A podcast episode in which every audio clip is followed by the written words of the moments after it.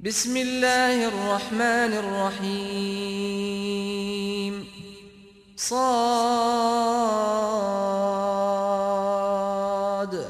والقرآن ذي الذكر. بل الذين كفروا في عزة وشقاق. كم أهلكنا من قبلهم من قرن فنادوا ولا تحين مناص وعجبوا أن جاءهم منذر منهم وقال الكافرون هذا ساحر كذاب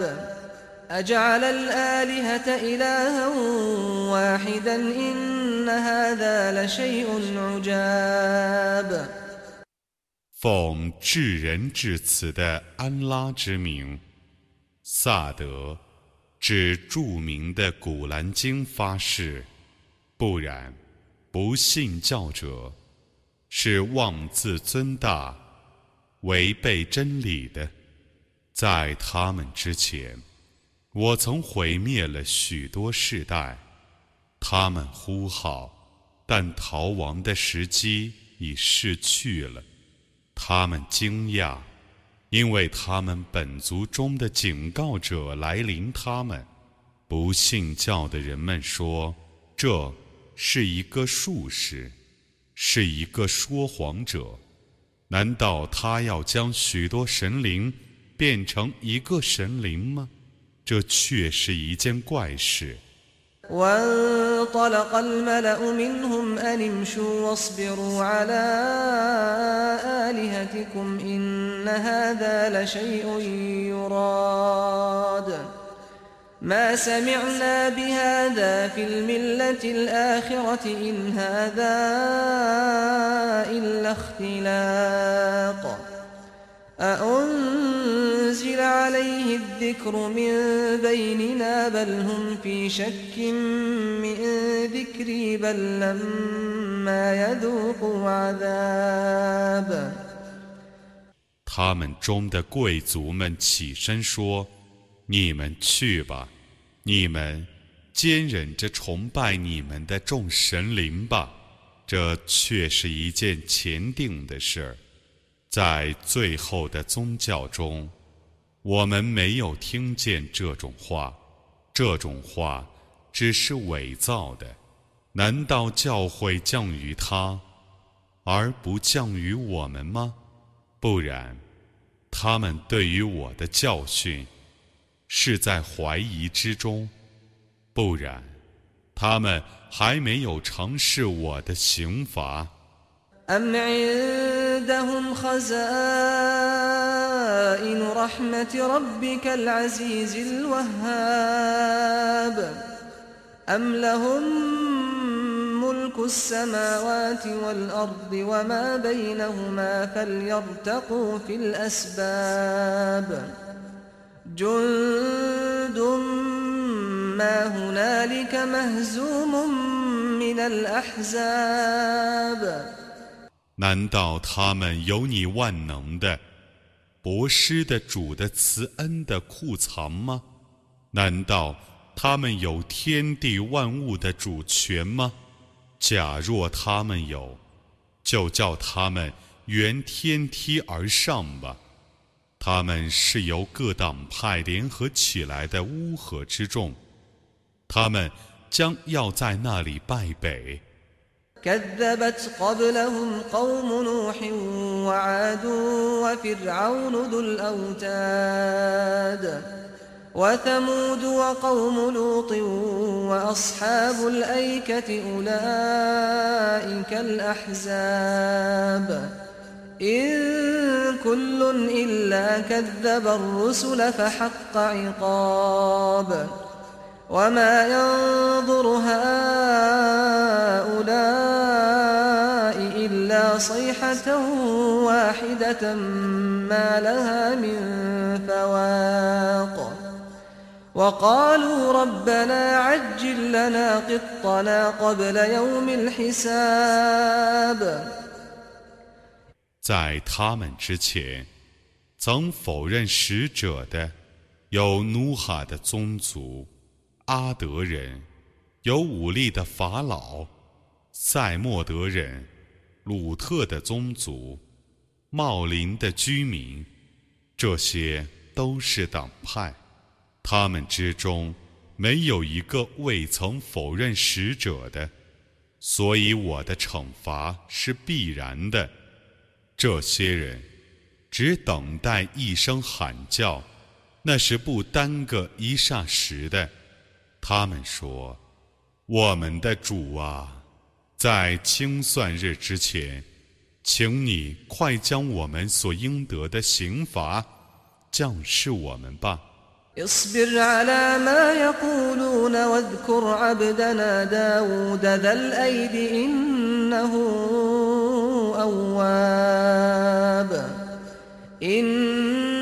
سخرنا الجبال معه يسبحن بالعشي والإشراق والطير محشورة كل له أواب وشددنا ملكه وآتيناه الحكمة وفصل الخطاب 你当忍受他们所说的话。你当记忆我的仆人，有能力的达伍德，他却是皈依安拉的， 我却已使诸山服从他。他们早晚赞颂，并使众鸟集合起来，通通都服从他。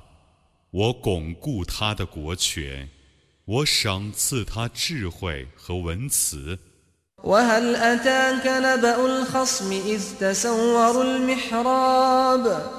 إذ دخلوا على داود ففزع منهم قالوا لا تخف خصمان بغى بعضنا على بعض فاحكم بيننا بالحق ولا تشطط فاحكم بيننا بالحق ولا تشطط واهدنا إلى سواء الصراط. 两造来告状的故事来临你了吗？当时，他们逾墙而进入内殿。当时，他们去见达伍德，他为他们而恐怖。他们说。你不要恐怖，我们是两造，被告曾欺负了原告，请你为我们秉公裁判，请你不要偏袒，请你指引我们正路。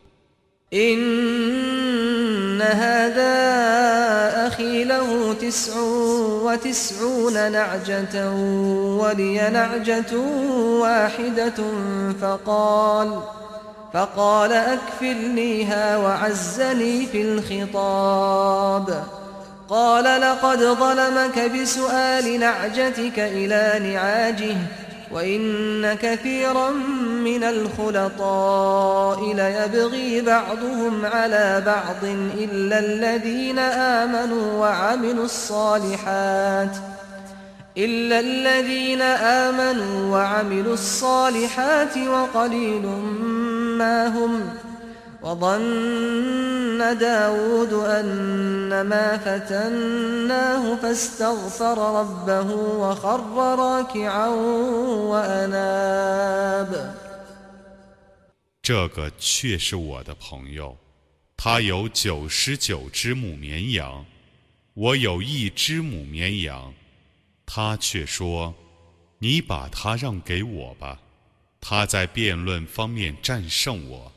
达伍德说：“他却已欺负你了，因为他要求你把你的母绵羊归并他的母绵羊。有许多伙计，的确相欺，为信教而行善者则不然，但他们是很少的。”达伍德以为我考验他，他就向他的主求饶，且拜倒下去，并皈依他。فغفرنا له ذلك وإن له عندنا لزلفى وحسن مآب يا داود إنا جعلناك خليفة في الأرض فاحكم بين الناس بالحق ولا تتبع الهوى ولا تتبع الهوى فيضلك عن سبيل الله إن الذين يضلون عن سبيل الله لهم عذاب شديد بما نسوا يوم الحساب 我就饶了他的过失，他在我那里的确获得宠爱和优美的归宿。 达伍德啊，我却已任命你为大地的代治者，你当替人民秉公判决，不要顺从私欲，以免私欲使你叛离安拉的大道。叛离安拉的大道者，将因忘却清算之日而受严厉的刑罚。وما خلقنا السماء والأرض وما بينهما باطلا ذلك ظن الذين كفروا فويل للذين كفروا من النار أم نجعل الذين آمنوا وعملوا الصالحات كالمفسدين في الأرض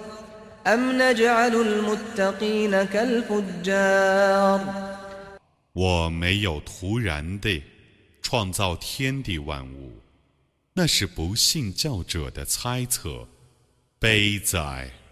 不信教的人们将受火刑。难道我是信教而且行善者，像在地方上作恶者一样吗？难道我是敬畏者，像放肆的人一样吗？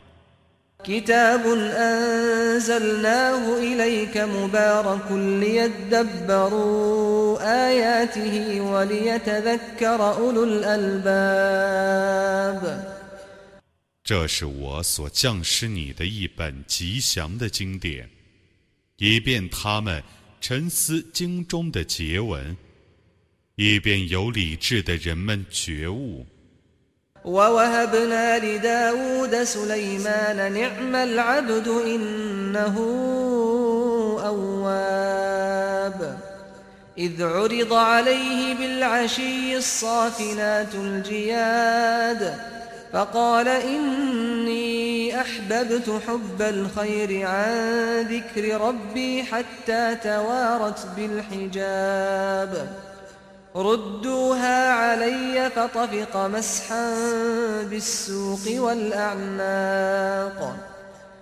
我将素来曼赐予达伍德，那个仆人真是优美，他却是皈依安拉的。当时，他在傍晚见月能静立，能奔驰的马队，他说。我的确为记忆我的主而喜好马队，直到他们被帷幕遮住了。他说：“你们将他们赶回来吧。”他就着手抚摸那些马的腿部和颈部。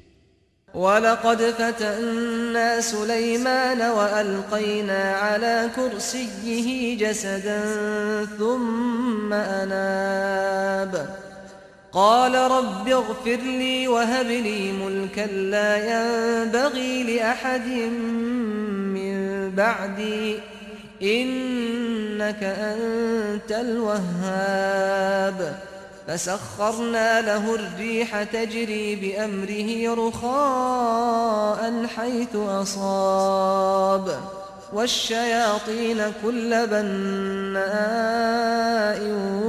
وغواص. وآخرين مقرنين في الأصفاد. هذا عطاؤنا فامنن أو أمسك بغير حساب وإن له عندنا لزلفى وحسن مآب 我却已考验素来曼， 我曾将一个肉体投在他的宝座上，然后他皈依安拉。他说：“ 我的主啊，求你赦宥我，求你赏赐我一个非任何人所易继承的国权。你却是博施的。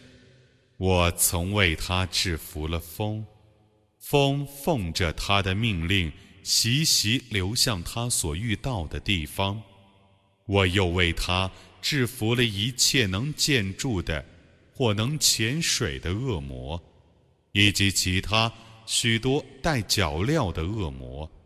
这是我所特赐你的，你可以将它施给别人，也可以将它保留起来。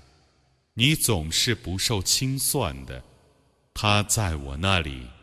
的确获得宠爱和优美的归宿。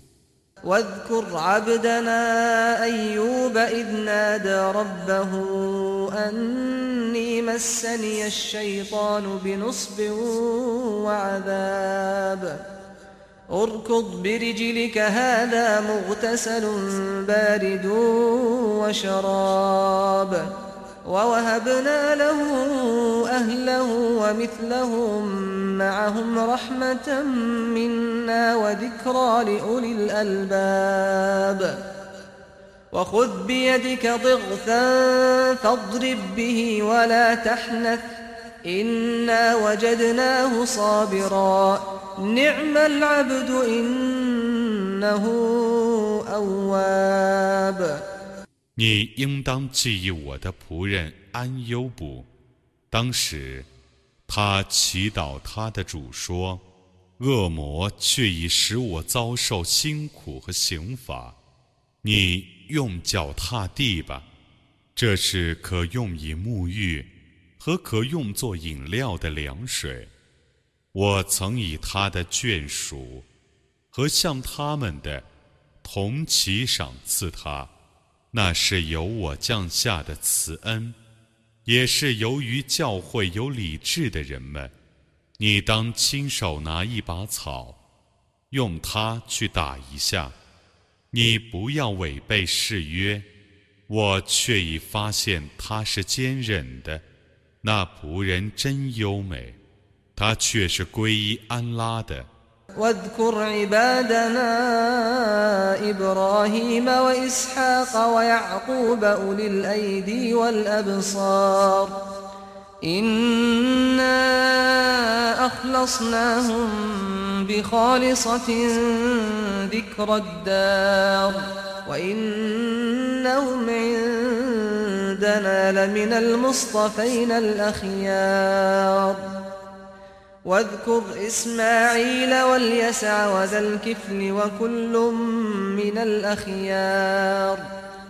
你应当记忆我的仆人伊布拉辛、伊斯哈格、叶尔孤白，他们都是有能力、有眼光的。我使他们成为真诚的人，因为他们有一种纯洁的德性，常念后世。他们在我那里，却是特选的，却是纯善的。你当记忆伊斯玛仪、艾勒叶塞尔、祝勒基弗勒，他们都是纯善的。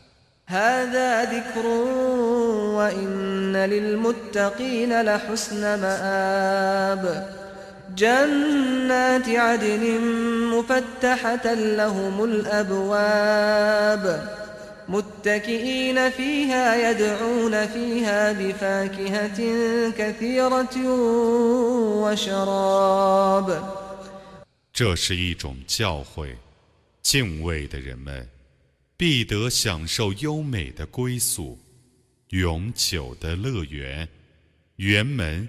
是为他们常开的，他们在园中靠在床上，他们在园中叫人拿种种水果和饮料来。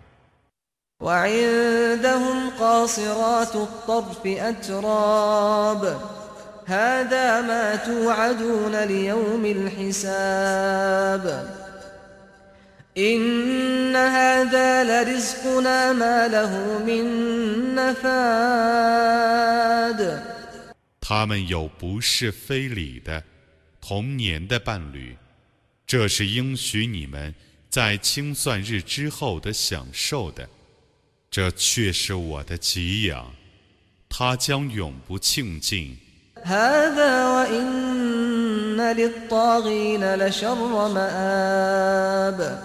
جهنم يصلونها فبئس المهاد. هذا فليذوقوه حميم وغساق وآخر من شكله أزواج.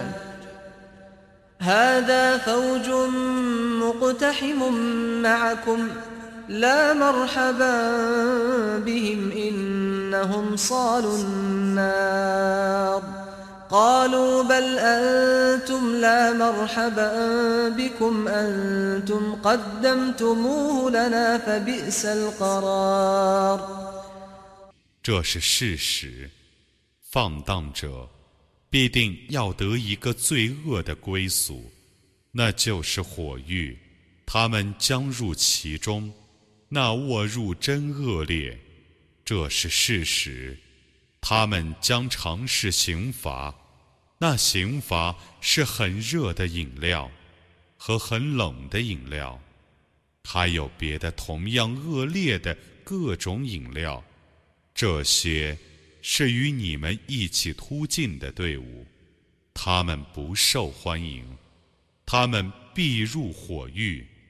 他们将说：“不然，你们才是不受欢迎的。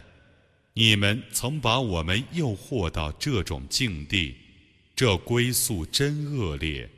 قالوا ربنا من قدم لنا هذا فزده عذابا ضعفا في النار وقالوا ما لنا لا نرى رجالا كنا نعدهم من الأشرار أتخذناهم سخريا أم زاغت عنهم الأبصار إن ذلك لحق تخاصم أهل النار 他们将说：“我们的主啊，谁把我们诱惑到这种境地？求你使谁 在火狱中受加倍的刑罚。”他们将说：“有许多人，从前我们认为他们是恶人，现在怎么不见他们呢？我们曾把他们当笑柄呢，还是我们过去看不起他们呢？居火狱者的争论是必然的。إنما أنا منذر وما من إله إلا الله الواحد القهار. رب السماوات والأرض وما بينهما العزيز الغفار. قل هو نبأ عظيم أنتم عنه معرضون. ما كان لي من علم بالملأ الأعلى إذ يختصمون إن يوحى إلي إلا أنما أنا نذير مبين 你说：“我只是一个警告者，除独一至尊的安拉外，绝无应受崇拜的。 他是天地万物的主，他是万能的、至赦的。”你说：“那是一个重大的消息，你们却离弃他。当上界的众天神争论的时候。”我不知道他们的情形，我只奉到启示说，我是一个坦率的警告者。إذ قال ربك للملائكة إني خالق بشرا من طين. فإذا سويته ونفخت فيه من روحي فقعوا له ساجدين. فسجد الملائكة كلهم أجمعون. إلا إبليس استكبر وكان من الكافرين 当时，你的主曾对众天神说：“我必定要用泥创造一个人。当我把他造出来，并将我的精神吹入他的体内的时候，你们当为他倒身叩头。 众天神全体一同叩头，唯伊布利斯自大。”他原是不信教者。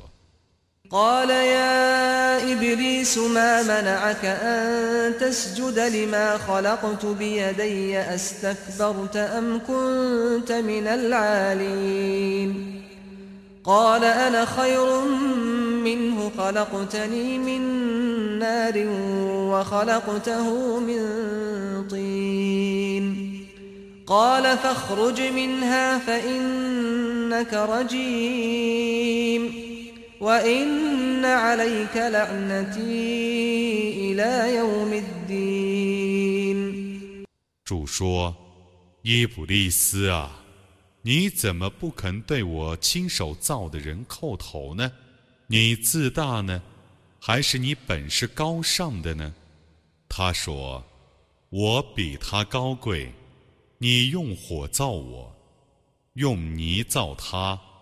主说：“你从乐园中出去吧，你却是被放逐的，你必遭我的气绝，直到报应日。” قال رب فأنظرني إلى يوم يبعثون.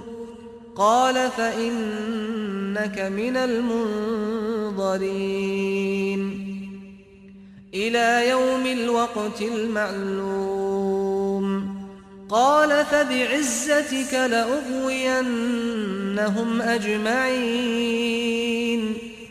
إلا عبادك منهم المخلصين قال فالحق والحق أقول لأملأن جهنم منك ومن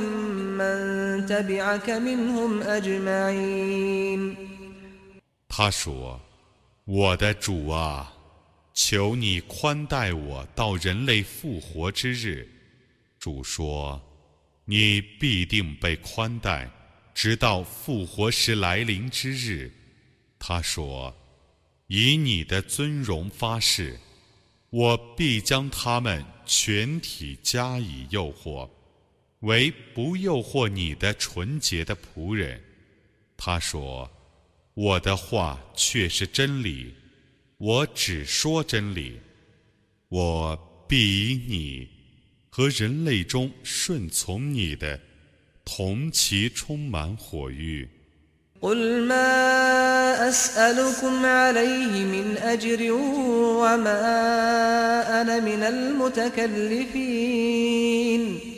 إن هو إلا ذكر للعالمين ولتعلمن نبأه بعد حين